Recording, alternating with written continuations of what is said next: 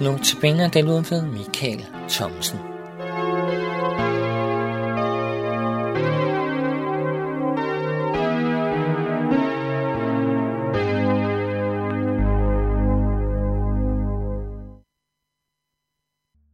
Den bog, jeg vil tage udgangspunkt i dag i, øh, i udsendelsen, den er, det er en gammel sag.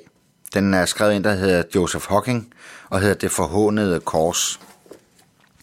Den handler om to englænder, der trænger ind i et muhammedansk kloster. Sådan står der bag på bogen, for det, den er så gammel, så der hed øh, muslimer muhammedanere. Øh, de tages til fange.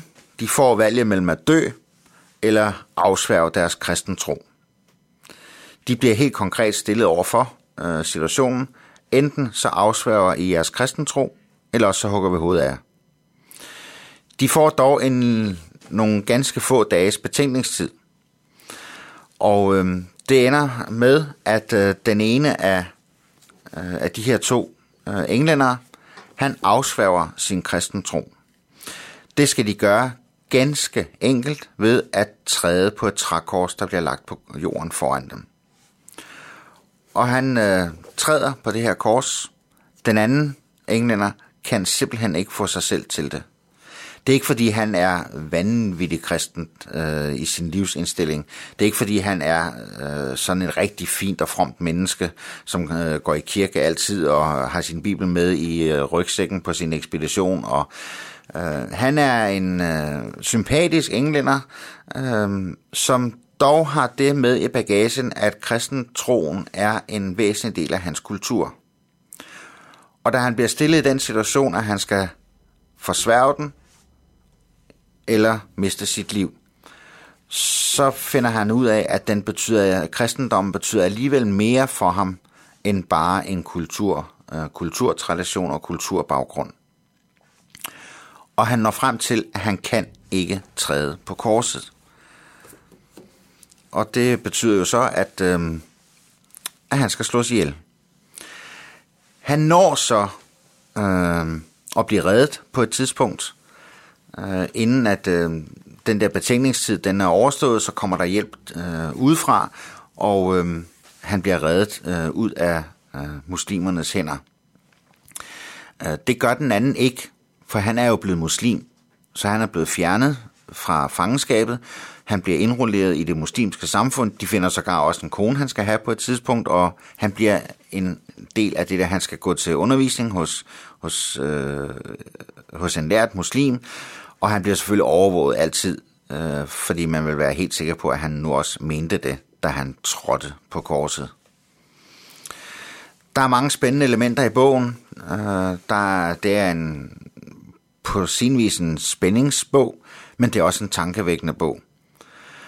Og det er også en bog, der fik mig til at tænke lidt mere end bare lige til at kunne lægge den væk, da jeg var færdig med den sidste side i den. Hvad hvis jeg nu blev stillet i den samme situation? Eller hvad nu, når jeg bliver stillet i den samme situation? At fornægte kristendommen? Eller at stå ved den? Jeg kan slet ikke forestille mig lige nu, en sådan situation, hvor det vil være med livet som indsats. Men jeg kan forestille mig masser af situationer i min dagligdag, hvor jeg egentlig også stilles i valget at fremhæve mig selv, eller fremhæve min kristentro. At øh, lukke munden op og tale Guds ordet ud i den verden, som er en del af min verden, eller bare til stille, fordi det passer sig ikke lige nu og her og situationer måske ikke helt så oplagt, eller hvad der nu skal til. Summa summarum, det behøver slet ikke at være så alvorligt, så det er med livet som indsats, den situation, hvor vi egentlig står og skal overveje, vil jeg fremhæve kristentroen her, eller lader vi den lige så stille bare ligge og glide ud. Vi har jo en fantastisk fortælling i Bibelen, som spiller lidt på det samme, nemlig Peter i øh, ypperste præstens gård den nat, da Jesus han bliver forhørt. Hvor Peter jo tre gange bliver stillet til regnskab. Er du ikke en af hans disciple? Og tre gange fornægter han. Og hvordan det også fortælles, at Peter, da det går op for ham, hvad det er, der, har, der er sket her, går, det fortælles om Peter, at han går udenfor og græder bitterligt. Man kan følge Peter i, gennem evangeliernes fortælling, øh, og man kan fornemme på Peter, at Peter føler virkelig, at alting er fortabt. Han trådte jo på korset, for nu at bringe det i sammenhæng med bogen, det forhåndede kors af Joseph Hawking nok en gang.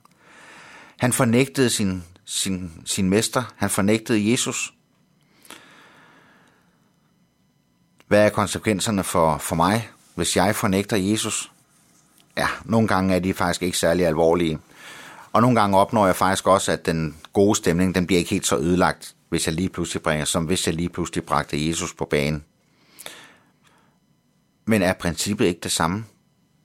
Om jeg træder på korset med svær hængende over hovedet, eller om jeg fornægter kendskabet til ham og må gå udenfor og græde bitterligt i min egen sorg over mig selv og min svaghed.